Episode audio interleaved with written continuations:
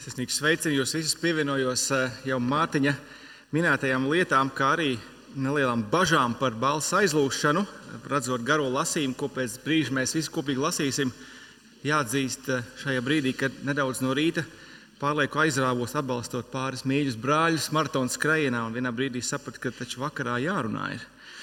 Un ziniet, kā tur ir. Tu, tu ieskrienies un tu sāc atbalstīt vēl arī citus. Kā tu vari atbalstīt vienus un neatbalstīt pārējos. Un beigās tas viss ilgst uz pāris stundām. Bet ko nu par to? Šajā brīdī, eh, kungu žēlstībā, balss vēl turās. Redzēsim, kā būs izskaņā. Ja jums ir pirksts ielikts 89. Eh, psalma lapas pusē, šis labs brīdis, lai mēs to atvērtu. Un lasīsim 616. lapas pusē no 16. panta. 89. psalms. Turpināsim lasīt no 16. panta.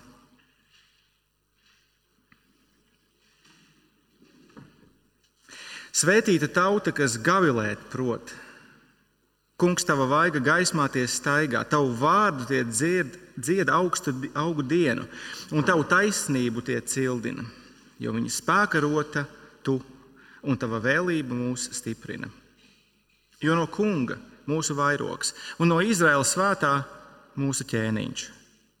Reiz tu runāji parādībā saviem uzticīgiem, tu teici, es palīdzēju varonim, es paaugstināju izredzēto tautā, es atradu Dāvidu savu kalpu un savu svēto eļļu es svaidīju viņu. Mana roka to balstīs vienmēr, un mans alkonis stiprinās viņu. Nepieveiks eh, naidnieks viņu un ļaundaris viņu nepazemos. Es satriekšu pretiniekus viņa priekšā, un tos, kas viņa nīst, es sadragāšu. Mana uzticība un žēlastība ar viņu, un ar manu vārdu viņš stiprumā augs. Es likšu pāri jūru viņa roku un pāri upēm viņa labo roku. Viņš sauks man, tu, mans tēvs, mans dievs, mana glābiņa klints. Tiešām es viņu darīšu, par savu pirmdzimto, par visaugstāko starp zemes ķēniņiem. Mūžam ar viņu būs mana žēlastība, un mana derība ar viņu stipra. Uz laiku, uz laikiem esmu nolicis viņa dzimumu un viņa troni, kamēr debesis stāvēs. Ja viņa dēls atmetīs manu bauslību un nepildīs manas tiesas, ja manus likumus tie pārkāps un manus baušļus neņems vērā, es sodīšu ar rīksti viņu pārkāpumu un ar sērgu viņu vainu, bet viņam es neatraušu savu žēlastību un nepievilšu savu uzticību, savu derību es nepārkāpšu, ko esmu teicis, es nemainīšu. Reiz esmu zvērējis pie sava svētuma, vai es Dāvidam melotu? Viņa dzimums mūžam būs, un viņa tronis kā saule man priekšā, kā mēnesis uz mūžiem, kā patiesas liecinieks padebešos, bet nu, tu viņu atmet un atraidi.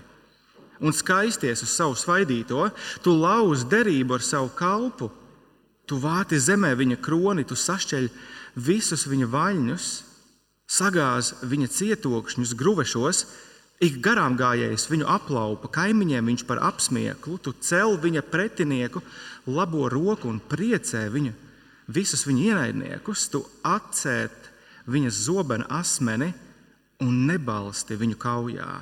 Tu esi atņēmis viņa spožumu un viņa troni nogāzis zemē, apciepis viņa jaunības dienas, apklājis viņu ar kaunu Cik ilgi vēl, kungs, vai mūžam tas slēpsies, vai kā uguns degs tavs naids? Atceries, cik man mūža, tik dvēsmai tu radījis visus cilvēkus. Kurš cilvēks dzīvo un neredz nāvi un paglābies no šeola varas? Kur tava senā žēlastība, mans kungs, ko tu zvērēji Dāvidam savā uzticībā? Atceries, mans kungs, tavu kalpu negodu, ko nesāja krūtīs no daudzām tautām. Kā apsmēja tavi naidnieki, kungs, kā tie apsmēja tavas svaidītās soļus. Lai slavēts kungs mūžam, patiesi, un patiesi. Pirms visu, ko esam lasījuši šajā vakarā, pārdomājam, nāksim kunga priekšā īsā lūkšanā.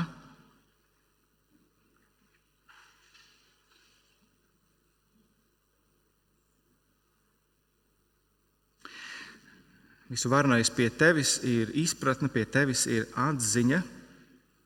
Un tāpēc, Tēvs, mēs kā tavi bērni nākam tavā priekšā, mēs lūdzam pēc tava gara apgaismības, tavu rakstu lapas pusēm, kurā, kur, kuras esam lasījuši, izgaismo tās, dari mūs tās, mums tās tuvas, un pār visam stiprini mūsu iekšējo cilvēku tavas patiesības sapratuši, varam tajās dzīvot. Palīdz Tēvs, dod mums enerģiju, dod man kungs skaidrību un uzticību Tavu vārdu, pasludinot Jēzus vārdā. Mēs to Tev lūdzam. Āmen!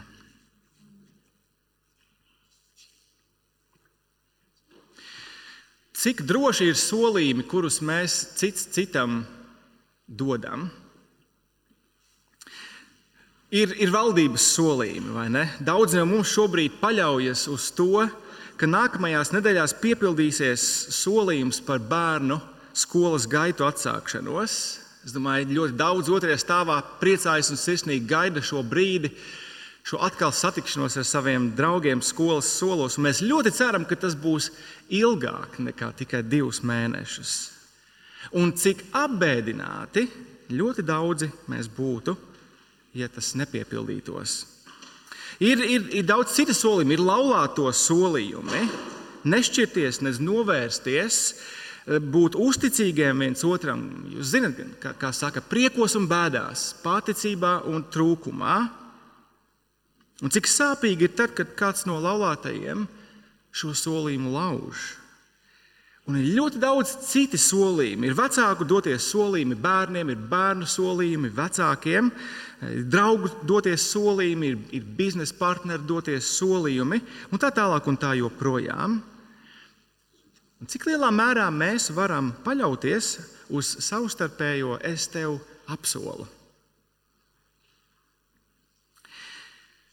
Protams, ka mēs saprotam, ka dzīvojot šajā pasaulē, tā realitāte nevienmēr ir tāda, ka dotie solījumi tiek pildīti, nevienmēr tie paliek tādi.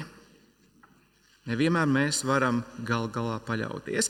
Bet kā ir ar dieva apsolījumiem? Tie taču ir svarīgi, vai ne? Tie taču ir ļoti nozīmīgi. Vai mēs varam paļauties uz to, ko Dievs mums ir solījis savā vārdā? Un atbildi uz šo jautājumu, protams, protams, ir jā. Mēs varam paļauties uz Dieva apsolījumiem, jo Dievs ir uzticams. Kā mēs to zinām? Mēs, mēs zinām, raugoties Dieva vārdā uz, uz Viņa un Viņa ļaužu attiecībām visā plašajā vēsturē.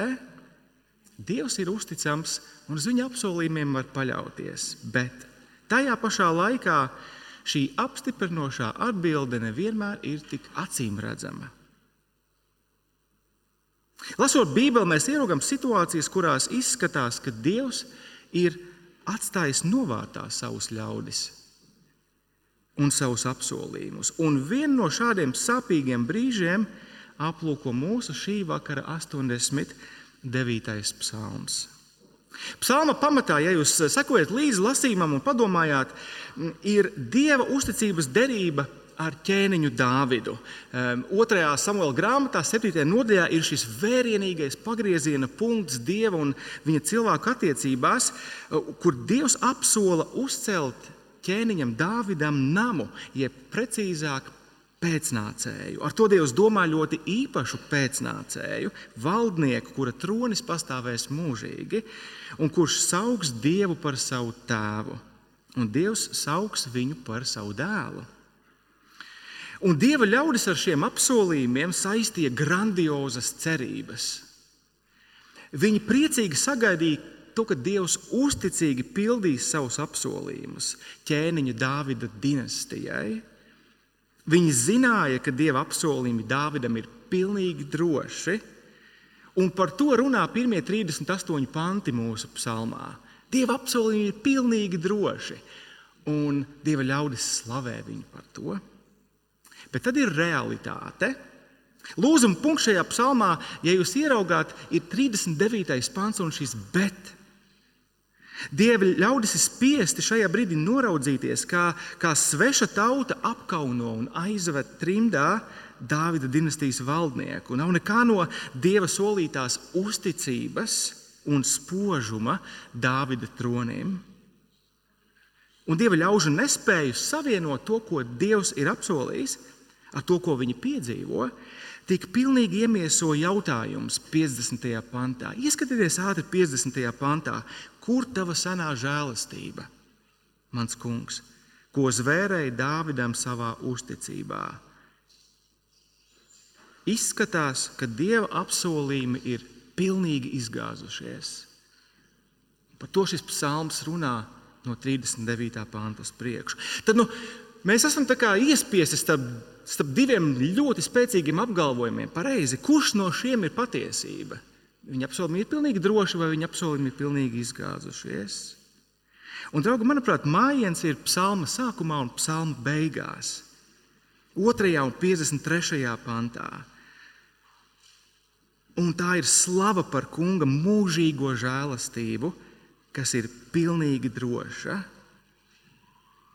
Tā ir slava par kunga mūžīgo žēlastību, kas ir pilnīgi droša. Un, un tāpēc, manuprāt, joprojām šī psalma lielā patiesība ir tā, ka dieva dotie apsolījumi savam valdniekam ir pilnīgi droši.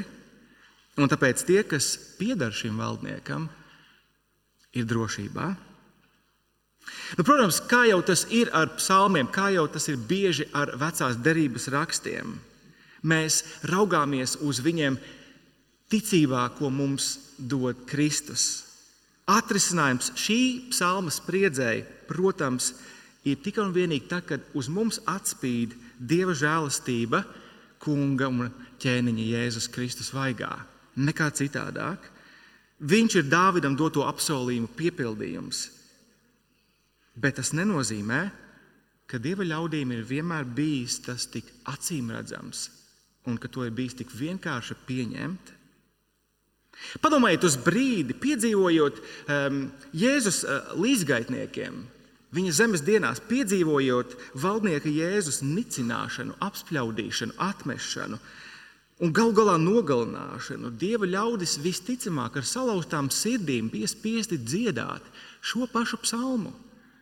Bet kā ir kungs ar tavu uzticību? Kā ir ar taviem apsolījumiem? Dāvida dēlam. Un vai daudz vieglāk bija tiem pirmajiem kristiešiem, tur apakšuļu darbu laikā, kuriem bija jāsludina krustā sistā un augšām celtā ķēniņa evaņģēlijas, kur ir spožums un godība? Tā nebija viņiem līdzās vienmēr. Jēzus nebija vairs starp viņiem, un es domāju, tas viņiem nebija viegli. Un es domāju, ka mēs to spējam saprast. Cik galu galā iespaidīga un spoža ir draudzene šodien, Eiropā, Latvijā? Nepārāk, vai ne? Un tagad visi šie jautājumi arī mums liek raudzīties uz spriedzi šajā psalmā, bet, protams, ar citu skatu.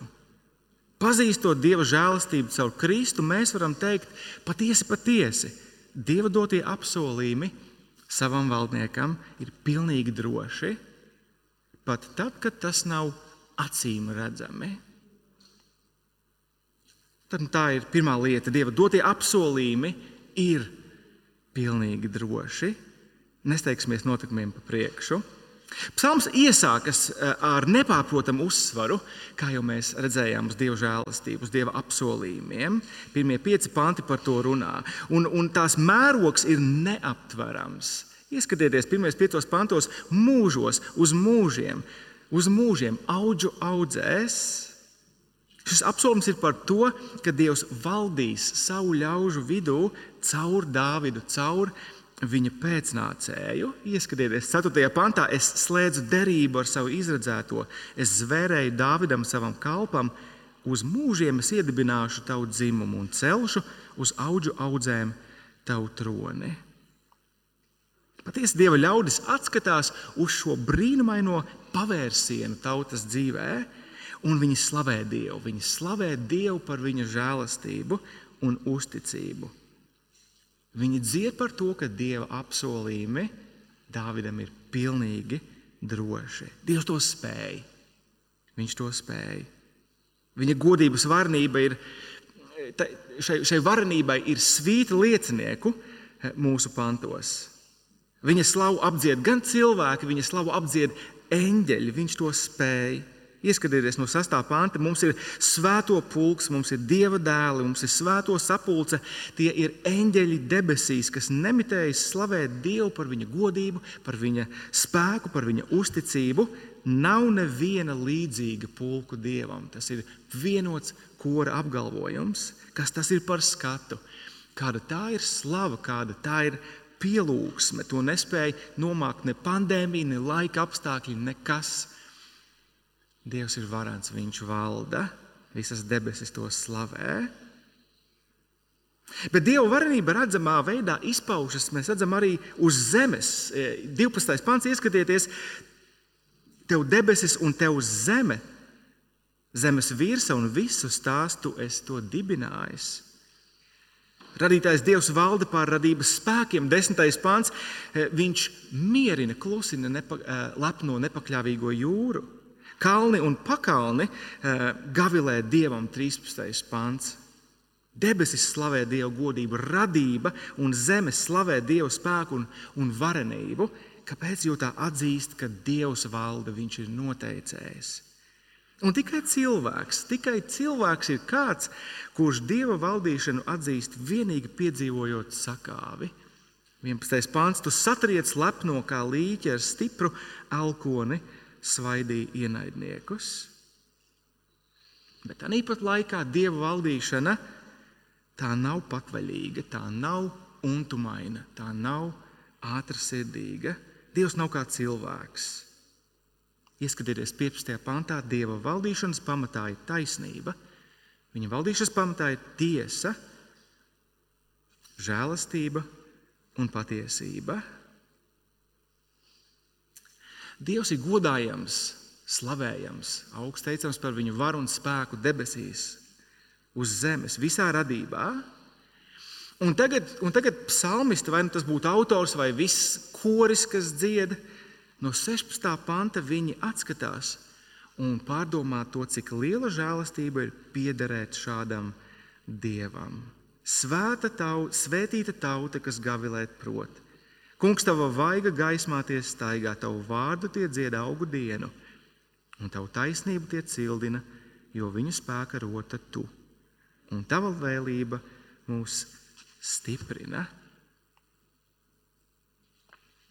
Visu valdošs Dievs debesīs savā radībā uz zemes ir atklājis sevi, un vēl vairāk nevien atklājis sevi, bet ir izvēlējies būt personiskās attiecībās ar cilvēkiem, svētīta tauta.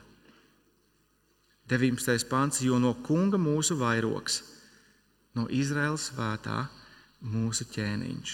Cik liela žēlastība, padomājiet, ir piederēt Dievam, kurš ar visu savu godību ir iemājojis Jēzu Kristu. Padomājiet, vai jums nebija tā, ka jūs lasījāt, un jūs ieraudzījāt, hei, šis pāns, šis pāns īstenībā runā par Kristu, un šis pāns īstenībā runā par Kristu. Vai nav tā, ka Jēzus ir šis valdnieks, kurš lepnajai jūrai pasaka klusu mierā? Nevelti mācekļi tajā brīdī Marka evanģēlī teica, kas viņš tāds ir.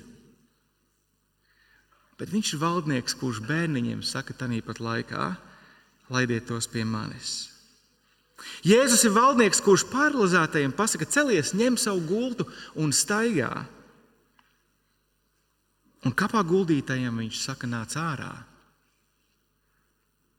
Un aptarot to mūs, mums būtu jāpārņem šai, šai grandiozajai bībai, kas pārņēma tos, kas redzēja valdnieku Jēzu staigājam pa zemes virsmu, runājam un darām šos darbus. Bet līdz tam bībai jānāk ir drošai cerībai.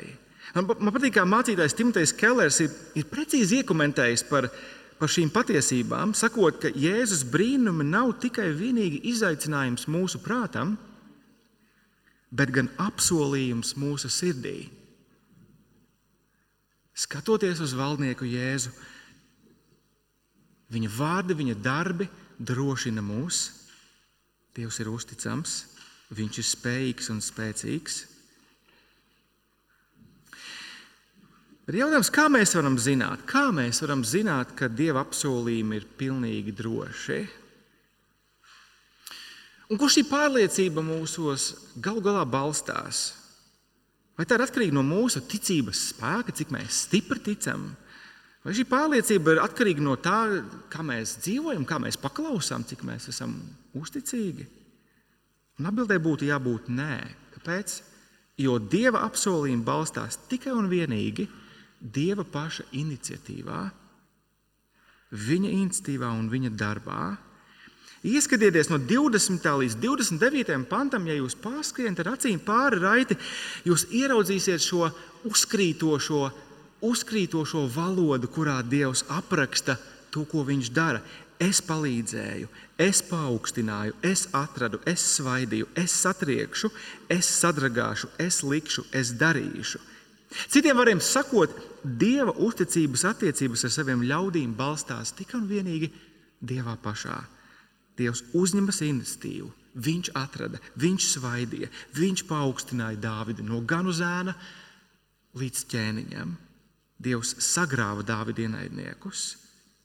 Kungs saka, mana uzticība balstās manī.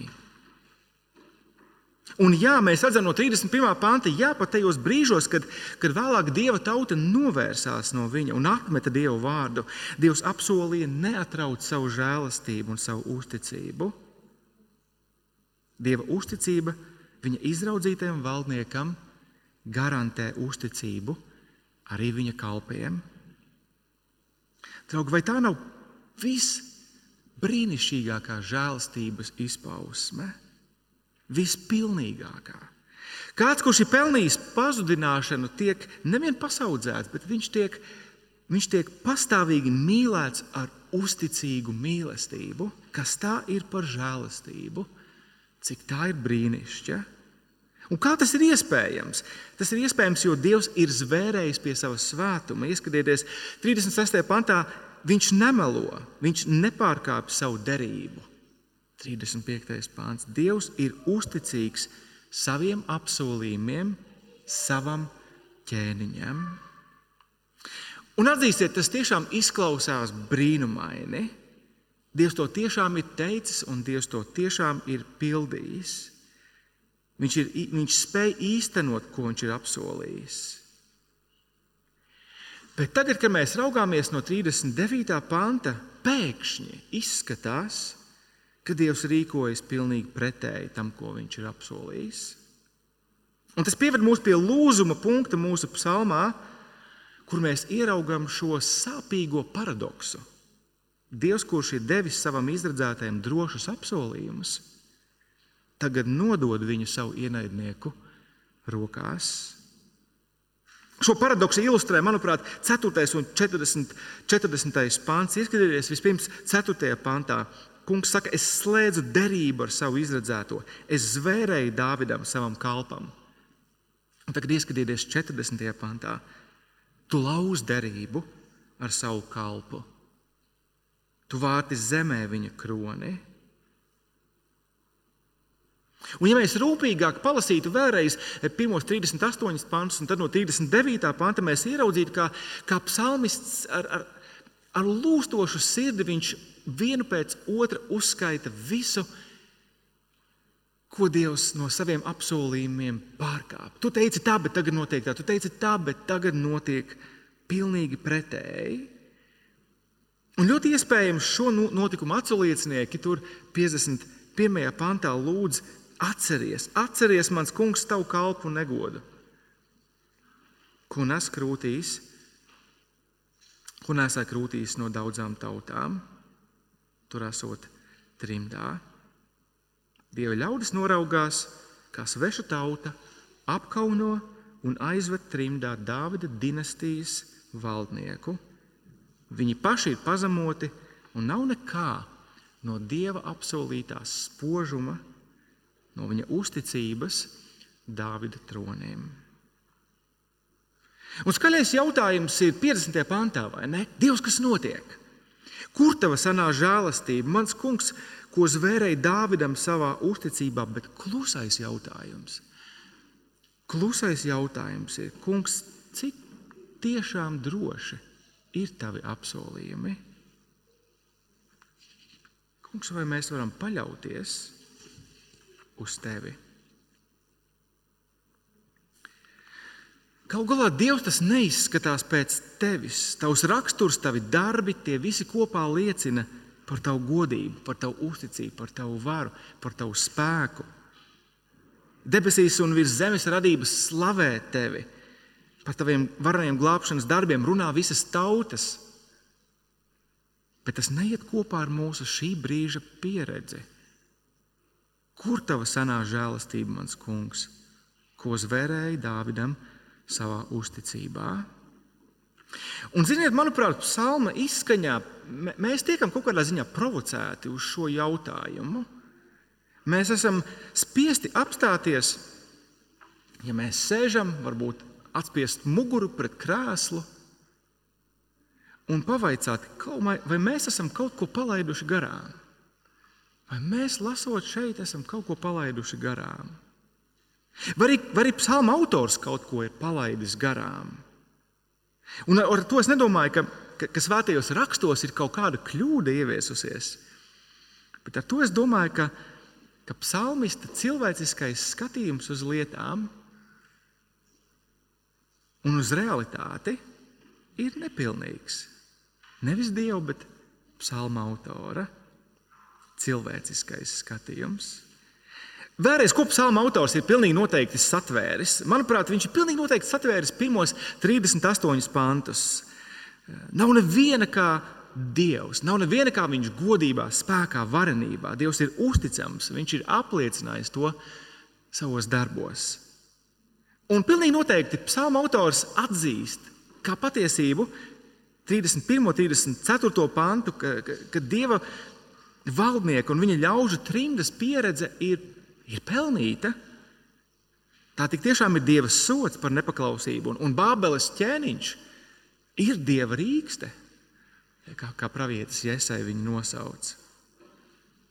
Bet tas nenozīmē, ka Dieva apsolījumi ir izgāzušies.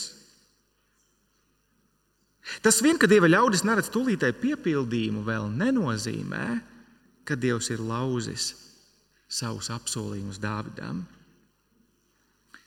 Un mums ir jāprasa, kas psalma autoram ir palicis apslēpts šajā brīdī. Manuprāt, tāds ieejas punkts šajā jautājumā ir kaut kur atbalsojies 49. pantā. Ieskatieties, kurš cilvēks dzīvo un neredz nāvi un paglābjas no šeola varas. Citiem vārdiem sakot, tāda nav. Tāda vienkārši nav.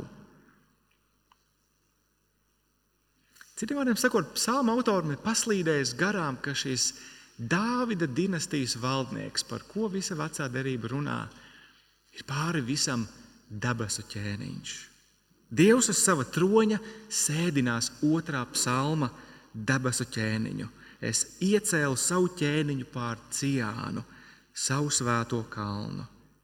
Šis ķēniņš, ja viņš redzēja nāvi, bet šī nāve viņu nepaturēja, Šēola vara viņu nesalauza, viņš salauza šēola varu pie krusta. Šis ķēniņš nav tā kā visi zemes ķēniņi. Viņš ir debesu ķēniņš, viņš ir vienlaikus padevīgs kalps. Atcerieties šo pantu, iesaistīts grāmatā, ielūzušu niedri viņš nenolauzīs, un kvēlojošu degli viņš neizdzēsīs. Uzticīgi viņš darīs zināmu, tiesu pēc patiesības. Un tāpēc mēs redzam, un mēs sastopamies arī ar šīm grūtībām Jēzus līdzgaitnieku vidū, pirmajā gadsimtā. Uzlūkojot viņu, ieraugot, cik savā zemes dzīvē viņš bija parasts, cik viņš bija neiespaidīgs, cik viņš bija ļoti ievainojams un pat vājš. Kāpēc? Viss šis sasumējās Jēzus atbildē, Jāņa evanģēlijā Pilātam, jo mana valstība nav no šīs pasaules. Pēc cik viegli cilvēkiem bija pieņemt šādu Dāvida ķēniņu. Mēs redzējām, tas nebija vienkārši. Šis Dāvida ķēniņš pārvietojās uz ēzeļa muguras. Viņš ēda kopā ar sabiedrības padibenēm. Viņš bija vājš, viņš bija neiespaidīgs. Viņš neizskatījās pēc varenā un godības pilnā Dāvida ķēniņa. Bet galu galā, domājot par šo lielo pavērsienu, es ceru, uz kuru psalmists mūs virza, ko tas, ko tas nozīmēs mums. Manuprāt, šī visa gaismā tas mums nozīmēs būt pacietīgiem. Pacietīgiem tajā, kā mēs panesam šajā mūsu zemes dzīvē vājumu, kaunu, negodu, netaisnību pat kur, kur mēs kā kristieši, varbūt kādreiz pat kā cilvēki, piedzīvojam šajā pasaulē. Ne, ne, tas nenozīmē, tas nav aicinājums uz to, lai kristieši kļūtu par kājslauķiem, bet tas ir aicinājums um, iemantot šo apziņu, ka savā kristiešu dzīvē, savā mūsu kopīgajā kalpošanā Kristum, mums šajā pasaulē nav jāiemanto pilnīgi viss, ko Dievs ir apsolījis. Jo Viņš nav pilnīgi visu no tā apsolījis šajā pasaulē. Manuprāt, ja kristieši nesatvers šo tik centrālo rakstu vēsti par to, kāds ir Dieva valdnieks, par to, kāda veida apsolījumi šim valdniekam ir doti, tad kristieši no vienas puses vai nu kritīs galīgā izmisumā un padosies, vai tieši pretēji viņi kļūs karēvīgi un tādi pieprasoši. Tādi, kas pieprasa tūlītēju taisnību, tūlītēju tiesu, tūlītēju brīvību no tirānijas, tūlītēju brīvību no slimībām, brīvību no ciešanām, brīvību no vajāšanām, brīvību no daudz kā cita. Pieprasīs tūlītēju pārticību. Bet Dievs nav apsolījis. Viņš nav apsolījis visas šīs lietas obligāti mums šajā zemes dzīvē. Draugi, tiešām man ir reālas grūtības iztēloties, iztēloties Jēzu piketā doma laukumā vai pie prezidenta pilsēta ar, ar gobzemu un šleseru pa kreiso un labo roku. Man ir reālas grūtības iztēloties šādu ainavu savā acu priekšā. Redziet, visu Dieva apsolījumu piepildījums ir dzīvei, kas sagaida mūsu jaunajā pasaulē, zem augšām celtā un pagodinātā Dāvida valdnieka, miera ķēniņa, Kunga Jēzus. Un kā tam būtu jāmaina mūsu skatījumu uz to, kas ir taisnība, kas ir brīvība, kas ir panākumi, kas ir daudzas citas lietas? Kāda izskatās sakošana un kalpošana valdniekam Jēzum šodien. Mūsu skatījumam būtu jāmainās. Un īstenībā, īstenībā man ir reāls prieks, ka mēs varēsim domāt par šo tēmu veselu gadu, kas, kas, ir, kas mūs sagaida. Vai nu, vai nu Marka evanģēlijā, vai nu otrajā vēstulē korintiešiem, īstenībā abās divās šajās grāmatās ļoti svarīga, būtiska tēma ir ir tas, kāda ir patiesa, kāda ir īsta evaņģēlīja kalpošana, kā tā izskatās. Un īstenībā atbilde abās grāmatās ir ļoti līdzīga. Tā izskatās neiespaidīgi. Tā ir kā sinepju graudiņš. Tā ir niecīga. Tā ir neiespaidīga. Pāvils saka, tas ir. Viņa izpaužās vājumā, viņa izpaužās nicinājumā bet gals, bet rezultāts ir brīnišķīgs. Draugi, es ceru, ka, es ceru, ka tas palīdzēs mums īstenībā šā, šī gada laikā palikt uz īstā, uz īstā šaurā ceļa. Ikreiz, kad mēs cilvēciski gribēsim paspīdēt kādu citu cilvēku, kādu citu kristiešu priekšā, vai kad mēs gribēsim ar kaut ko izcelties pasaules acīs, Tas padarīs mūs piesardzīgus ik reiz, kad mēs gribēsim apbrīnot tādu, tādu pasaulīgu spēku, pasaulīgu varenību, pasaulīgu spožumu. Un patiešām evaņģēlīga kalpošana tīšām izskatās vāji. Kā mēs redzēsim, otrajā vēstulē korintiešiem Pāvils saka, tā tiešām izskatās vāji. Šis dārgums ir māla traukos, lai spēka pārpilnība būtu no Dieva. Bet tā savots un iznākums būs varens, tas, tas būs godības pilns, tā būs augšām celšana. Tas būs tā, tā, tā valstība būs tāda, kuras pēnā cilvēki no visām tautām varēs iegūt savu patvērumu un glābiņu. Kāpēc? Jo tas ir atkarīgs no Dieva. Tas ir atkarīgs no Dieva uzticības derības ar savu iecelto ķēniņu. Kad Dieva apsolījumi Kristū pilnīgi visi ir pilnīgi droši. Lūksim!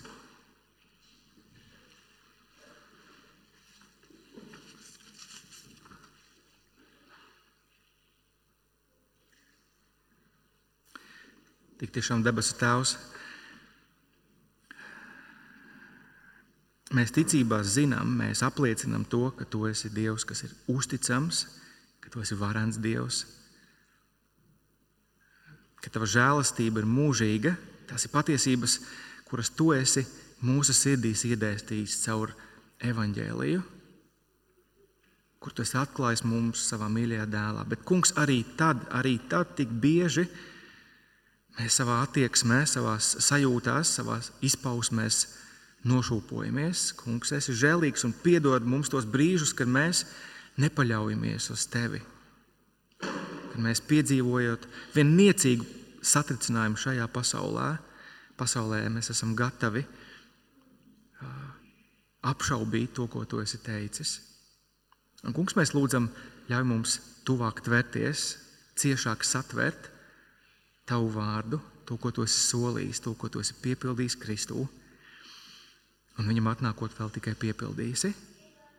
Un stiprini mūsu ticībā uz to dienu, kad pilnīgi viss, ko tu mums esi solījis, būs droši un pieejams mums, godībā, pateicoties mūsu kungam un glābējam Jēzum. Amen!